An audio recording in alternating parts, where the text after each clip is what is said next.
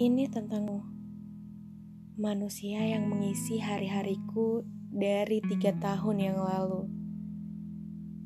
Manusia yang mempunyai seribu satu cara untuk selalu memenangkan hatiku. Manusia yang tidak pernah kehabisan akal untuk mencari-cari perhatianku. Yang sangat sabar dengan segala tingkahku, yang sangat baik dan juga memahami setiap naik turun keadaanku. Manusia yang selalu ada di sepanjang tahun ini. Tahun di mana aku jatuh tersungkur, namun ia selalu mengingatkan untuk tidak pernah lelah dalam bersyukur. Setelah bertahun-tahun, rasanya baru tahun ini hidupku full oleh keberadaannya dia yang tidak pernah mengenal siang ataupun malam untuk menjadi tempatku bebas dalam mengeluh, marah, kecewa, dan juga tempat untuk berlari ketika semua orang sudah tidak lagi peduli.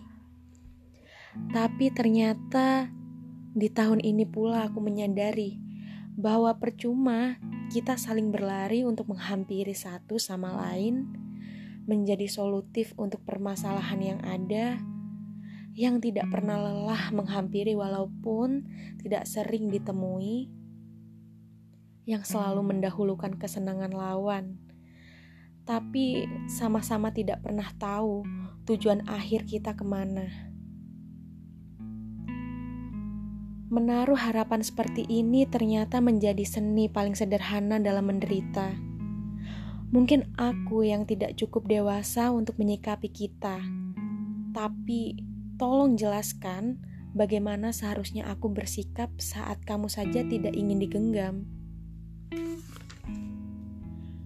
Atau mungkin aku yang egois, mementingkan perasaanku tanpa mengerti kamu. Jika memang iya, tolong jelaskan juga Bagaimana aku bisa mengerti jika kamu saja menyuruhku untuk selalu tinggal, tapi kamu juga yang beberapa kali mahir dalam menghilang, lalu kembali datang. Mungkin akhirnya kita harus sama-sama mengikhlaskan apa yang belum sempat digenggam. Mungkin juga ini merupakan sebuah batas di mana perasaan ini harus benar-benar selesai. Jika seperti itu cara Tuhan meminta kita untuk saling melepas, aku siap. Karena move on bukan berarti kita harus berhenti untuk saling sayang. Lebih mengarah ke berjalan ke depan, ke tujuan agar tidak jalan di tempat.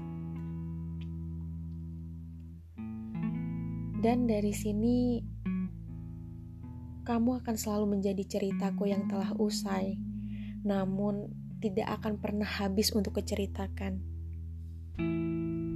Terima kasih ya.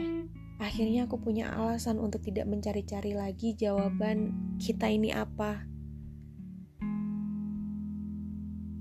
Selamat melanjutkan perjalanan panjang tanpaku tentunya. Semoga kuat.